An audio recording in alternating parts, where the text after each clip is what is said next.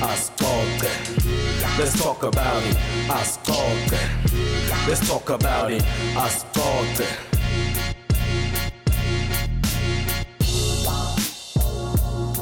siku-episode 8 i-asixoxe naprince vilakazi. Uma ngabe umusha ngiyakwamukela-ke kuleli hlelo. Sinelikhasi ku-facebook i-asixoxe naprince vilakazi. Press like then uma ngabe uluze onke lama-episode cala kubamba i-episode 8 hamba ku-soundcloud upress follow ku-twitter siku-at prince underscore asixoxe before-ke ngiqhubeka mhlawumbe ne-interview yethu yanamuhla ukhumbule-ke ukuthi ku-episode 7 shito silazivotela miss tin essay wakhona-ke la ebarbaton siyanda sibongo wakamaziya-ke kuthi umvotele noma kusho-ke ukuma-finalist a-miss tin essay bawubita nga-universe miss tin essay uku-semi-finalist. So kumvotela okwakho wena mhlawumbe uma uhlala la mpumalanga kumbe la barbaton utomenda abe yi-finalist ivote yakho-ke uvota nga-3 rand. Indlela lovota ngayo uya e-capitec or mangabe une-app yase-capitec uto-deposita imali ku-account number lengi-triple one. Six four nine double zero nine seven. So then kune-link number lehambisana nayo le-account number is zero seven six seven hundred forty forty nine. Then i-reference utobhala ziyanda maziya.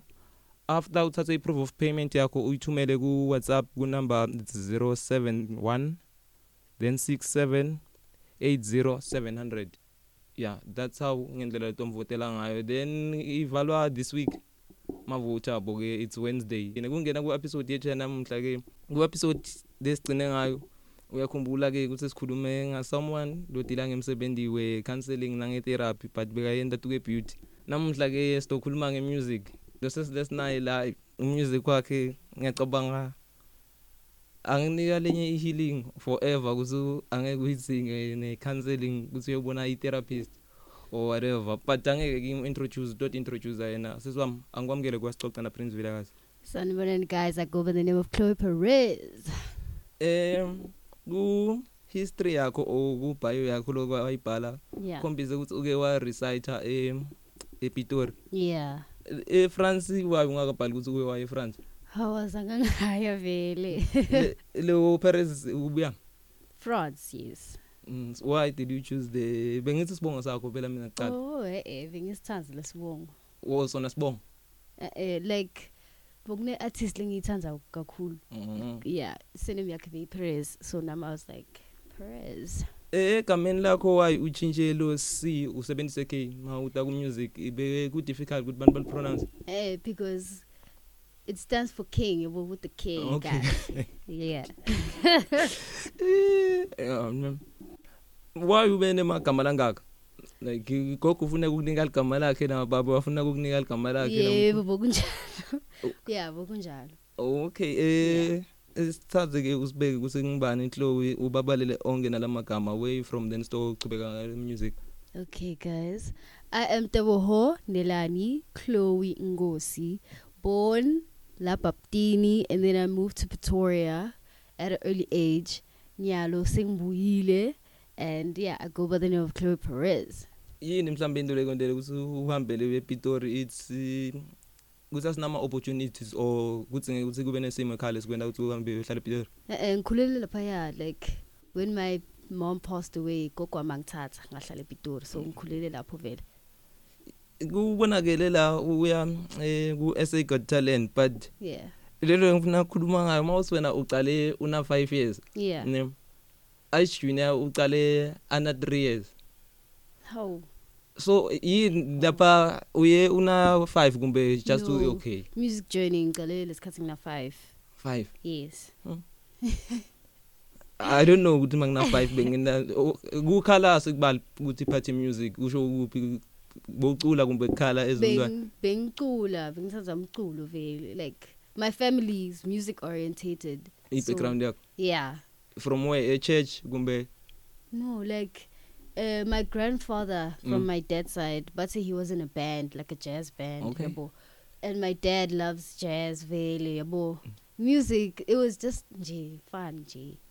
Ayisondweni so mawubuya back ngalana ulethwe insimo kumbe uthe no ngikhumbule ekhaya? Yeah, o babhala Simo. lesi babhalela khumbule ekhaya. Eh eh. Okay. Simo yeah. Ukuthi ungibeka mm. Iyakho ngoba uthi okay le endlini bebayenda icale nini? Like uthi okay now sofuna ukufocus ku music yo at an early age like 12 kahle kahle.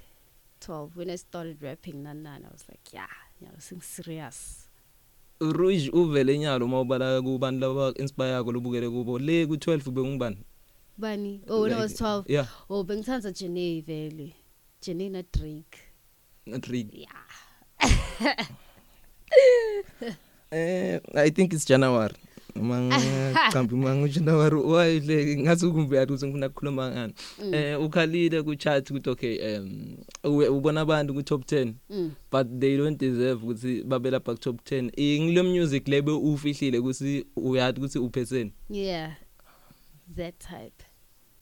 So why mhlambe u- usubmitile kule chat ukuthi ubavise ukuthi okay bengikhuluma nganako lebenginifihlele kona? Ah, eh, ngaveli it's like a surprise yabo. Mm. mara ba if they hear me vele batuthi oh yeah she's right yabo. Mm. yebo. Yeah kukhona kukhona. Tinto letendako beside music yini? Uh ngiyenda tinwele i focus on hair Mm. yeah and i have a regular job 9 to 5 yabo. Yes. Besides that ngiyenda netimpahla so. U fashion designer. Yeah I design my own clothes. Mm. Yes. Ya kunyeni lokwendekako. I don't know. La usebenza khona ku 925 i think ufuna ube i brand ambassador yokucala umuntu losebenza kule Tell story me, lesa please, lobe famous. I don't know. When okay kwendeke nginetele story behind why kwendeke ube famous ukuthi usebenza lapha. Because ngikhumbula sicale mina bengikufuna ku Kokota morning show ishow le beyihostwa ngiphuju yeah yeah. Lapho I, think it was feb. Yeah. So into lebangitshela yona ukuthi uyaspana and wonke umuntu lebasho ukuthi mawusebenza bekasho leli gama la le story la usebenza khona so kwendeke njani ukuthi ube famous ukuthi usebenza kule story lesi kumbe uthathe i-ownership because yonke iza okay ba famous bantu bakubo Shoprite nani nani but not that Yeah. story you the only one no cause musically angini bayangadi Yeah. and then ngibatshela ukuthi ngisebenza kuphi Mm. so yeah kunjalo oh usebenza le yebo. Mhm. yeah afuna ukhulume nabo i think ifuna bakusponsorishe. Mm, mm, ngifuna ukukhuluma ngendlebe yakho because la ngicale ukumitha khona before i-hype yakho ne? Mm. bengise it's MPM in MPVMG ne? yes. Kulama studio lawo ngingakwazi nokuthi uyacula. Mawufika lela langa bekudlala Catronad I think kwadlala i10% ngakubona ujema la ngaphandle i don't understand but it's okay. Lapha bathone sinamake losona kumbe ngibani? Ngathi bude nje but ah, mm, mm. angizange ngayithathele itulo after a week ngiyacabanga ngilabe sokuqala kusebenza khona towards i-EP yakho. Yeah. Then waduma ukuthi okay kunahlo ihlo ihlo okay mina lo hlo le nikhuluma ngaye ngibani kani? Mm. ngoba ngathi angimathi ma ngibuyele. I don't know ukuthi ngeke kumbe ngokuchecka Facebook ngathi oh it makes sense. Mm, i mm, understand. So umusic wenda lo njani? Mm. uh, trap soul. Mhm yeah. But you can rap. Yeah that's why it's a trap yabo. Uyahlanganisa konke yeah. So it's like my conscious raps yabo. Trap ngiyatrapa kancane yabo. Uke wa release anything before i-EP yakho nyana? Yeah but they never got out in my name yabo. Mm. Huh? yeah.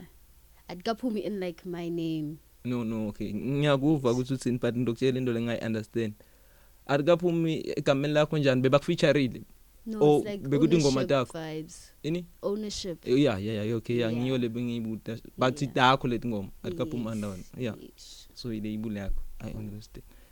Ngoba ngize ngibutele question le angeke ukhiphe i-EP le good. So bekufuna kube ne music lovakele ukuthi okay Chloe uqale la. Mm, then ngila la kakhulu khona ngilala kakhulu khona mm. so ufunzeni kuloko ngoba labantu osebenzisane nabo.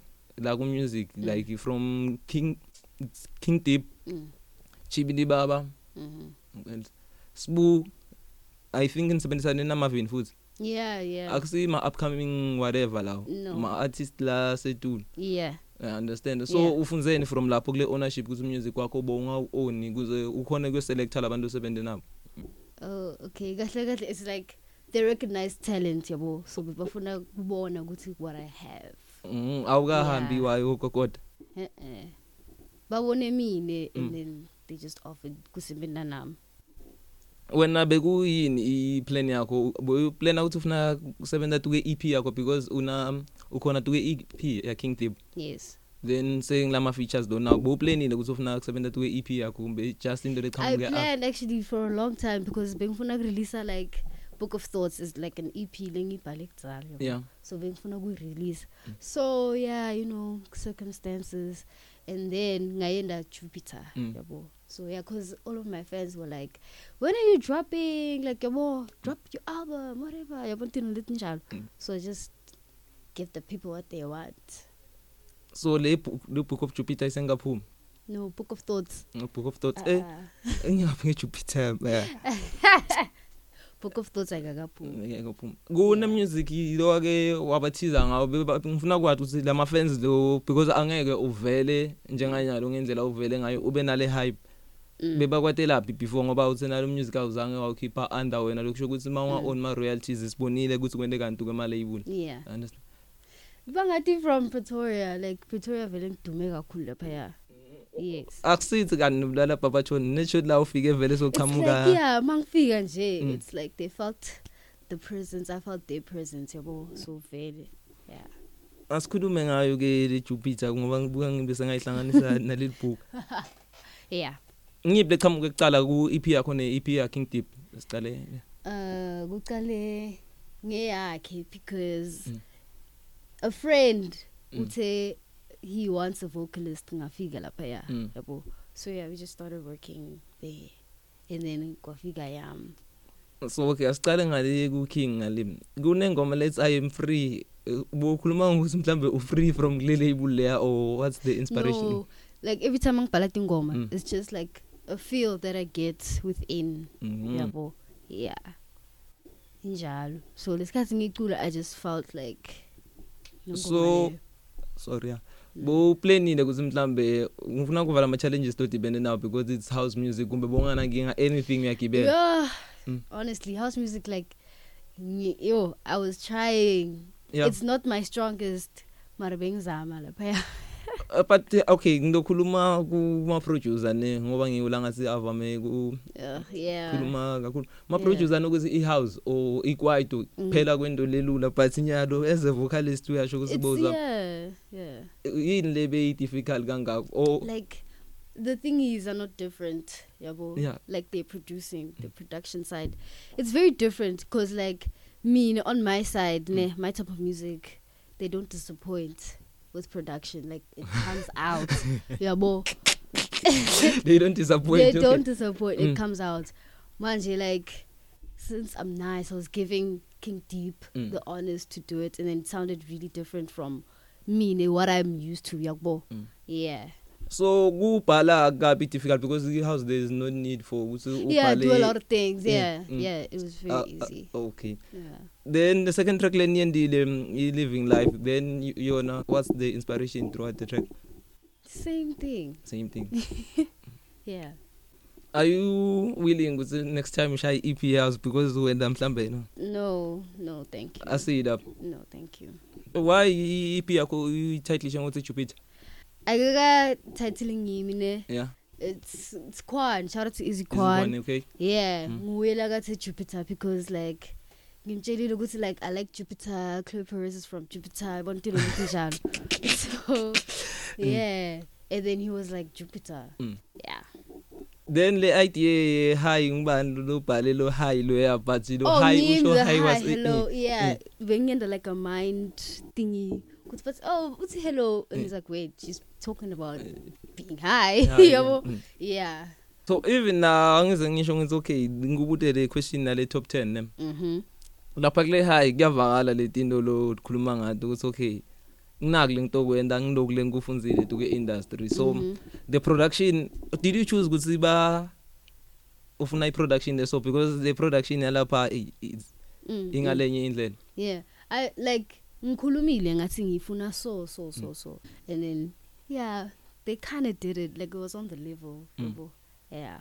Usebenze nabani kule EP uh Marvin Cause na King Deep.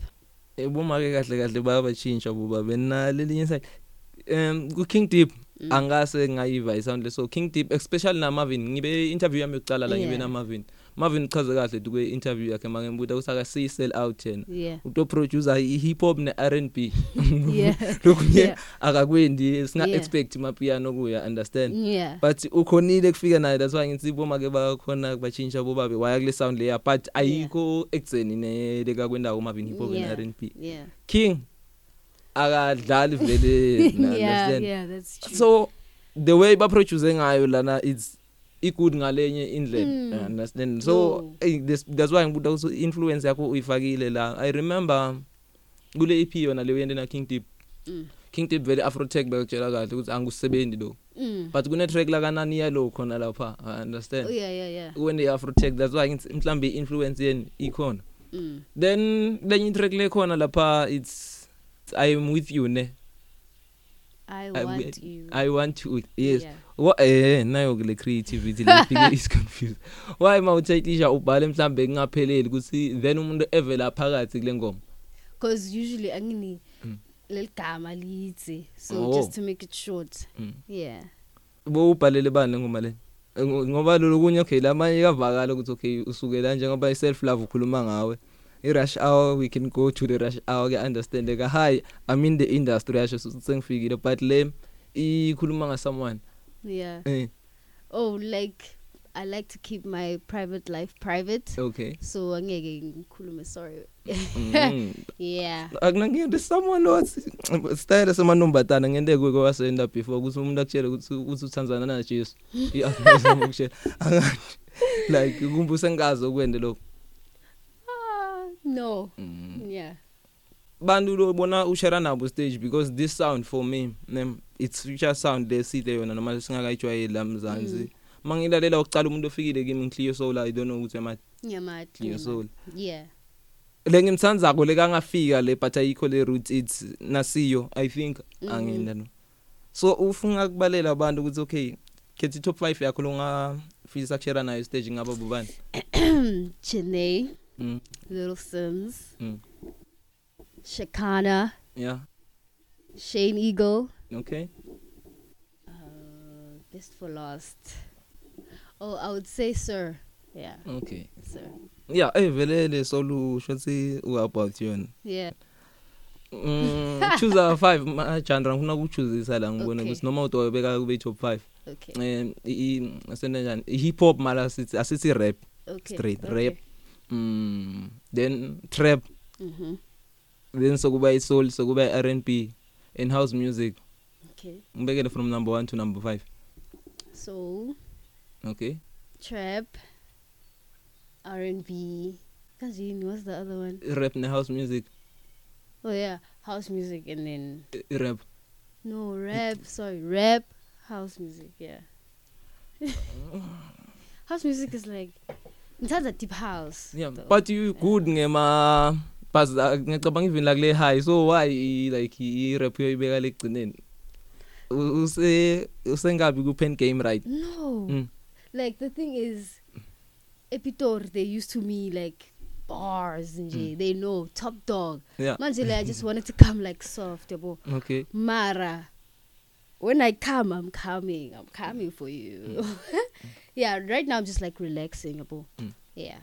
Ngoba ma top feature ku between Sawoti na Doja Cat or um, B na um, who's this lady yeah ngiphi top feature between ku Sawoti na um, na Doja Cat then Megan na B Yo. Okay. Ah. It's hard, eh? Mm. It's hard. I'll take Cardi B, yeah. na Megan Yeah. so siyakubona sasa wena na Lil T nenda something like that We did actually. mm. Yo, we did. Howard, please. Ngicela ukhiphe le ngoma. yeah, we did. We did. so lo sipana nabo like kubo my sister njengoba sibale na Lil T ngobani labanye labakhona Le ngisipane nabo. yeah noma leni sipana nabo ku industry ukuthi okay le ngelo wami le anytime mangathi inyalo sijumpe ku beats yakhona Okay, the thing is like girls la angibadi. I only know like Little T na Lady P. Mm. Yabo, but anytime those two, you know, nisengahlangana na Fero Pharaoh mm. ne awumathi Nah. okay u u- bekasipanisana nemusic in a box but naye usepitori Oh, I think une- bangitshela ngaye they Yeah. were like we should do a yeah yeah. Mm. Yeah, ngivile. so balapha bathona ukhuluma ngabo la outside nelspruit la mpumalanga khona lo bathi Yeah. Mm. Liz, Skips, yeah. Mm. My homies. Now within the music industry. Yeah. yini mhlambe lesinga expecta kuwe ku future from now From now mu- more music. Mm. Uh check out for my clothing line. okay And yeah. Yeah, that's what I would say. bayi receive njani bantu le EP on your side Uh on all digital platforms. Just type in Chloe Perez and then Batoitola. eh ngisho like ilithando o support uyithole njani or ma respond Huh? i response yebantu ngale EP yakho Oh, Yeah. Vitanza. Like they love it, but Mm. Bakalanga the same thing. Production. Mm. Yeah. wena i expectation yakho beyingakanani mhlambe kubobukeni Yo, okay, like when I released it, I wasn't ready for it to be released, yabo. Mm. Mara, I was like, uh, let's see how it goes. yeah And it actually did good, yabo. yeah yeah yeah Yeah, bekuyi first yakho lo wake wayirelease Yeah. uyi 1 1 1 1 yeah, yeah. bantu longafisa kusipanda nabo bobani Uh, Nan host the living ghost. mm. Um, Lady P, Mm. maybe could do something, you know, baby girl. Yeah. Um, mhlambe nawe utojumpa tukelpiyani Yebo. already kusujumpile Yeah. yeah ni- Border, mm. uh, Lil T, Mm. yabo. I'll I'll like to meet Pharaoh as well. Yeah, maybe yabo, because that would be like good competition. You see. Mm. Yeah.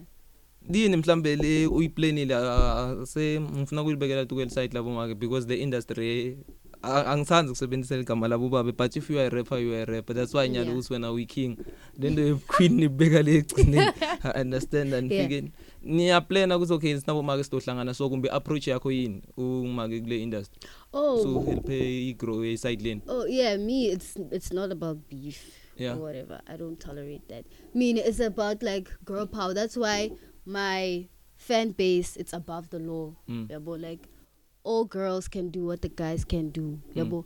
I feel like if we all come together, Mm. Shem, we could create magic.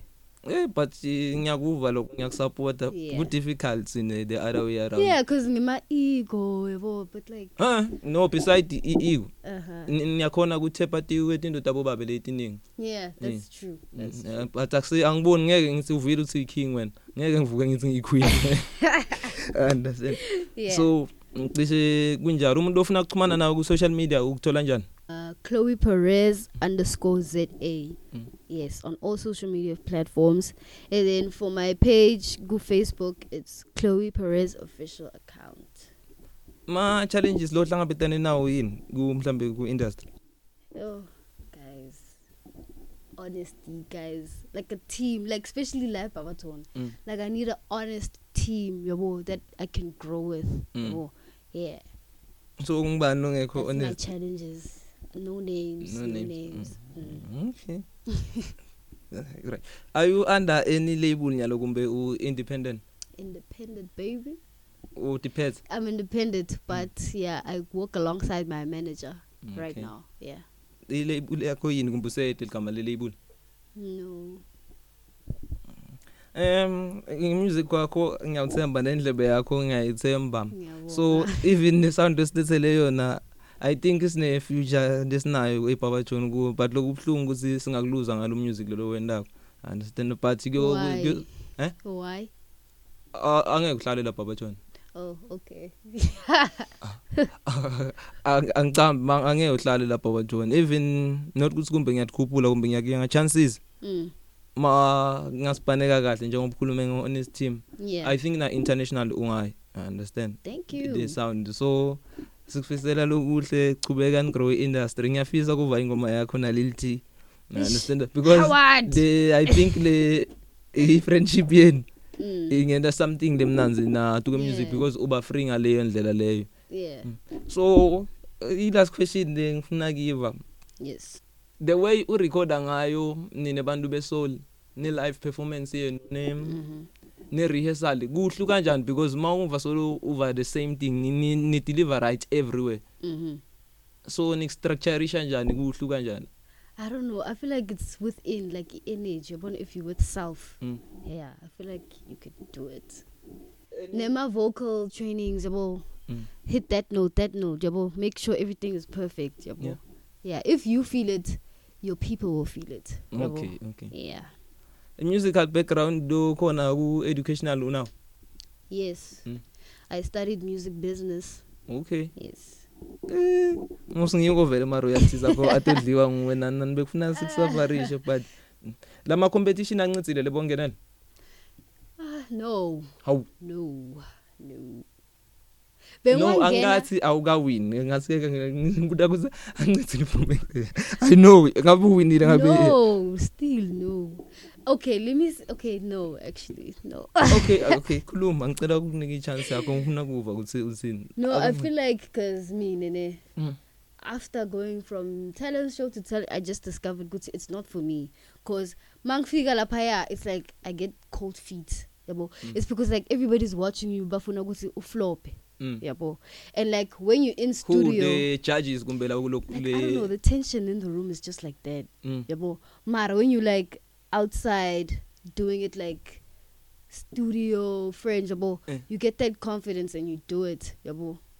Yeah. okay okay nyalo sengiya understand Yeah. like on your personal space the experience Yeah, yaphuma voice ithi Mhm. yabo. Mawule it's like ah yabo like no. so kuwe no more competitions No. Like the last one I went to, Mm. SA Idols. Mm. Bengafuni kuya, but just like my cousin was like, "Please, nathi sifuna kuya idols, basibone." Hawu. yabo, then it's nja- Yeah. It's not like flex vibes like bebafuna ukuthi ngiye, Mm. yabo. Yeah, but I said no. And I went there. Mm. Yeah. so mina angisil judge usho ukuthi la khona lekungaphuma La. Mm. Bars or what? ah do you mina I, I don't have a beat but ubathize ungaba nikonke Yo, eh.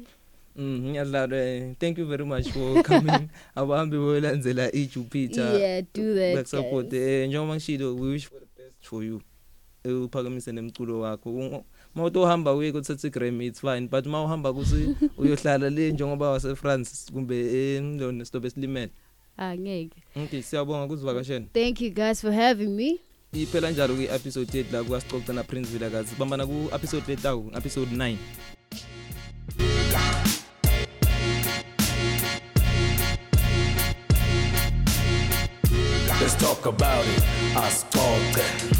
Let's talk about it. Us talking. Let's talk about it. Us talk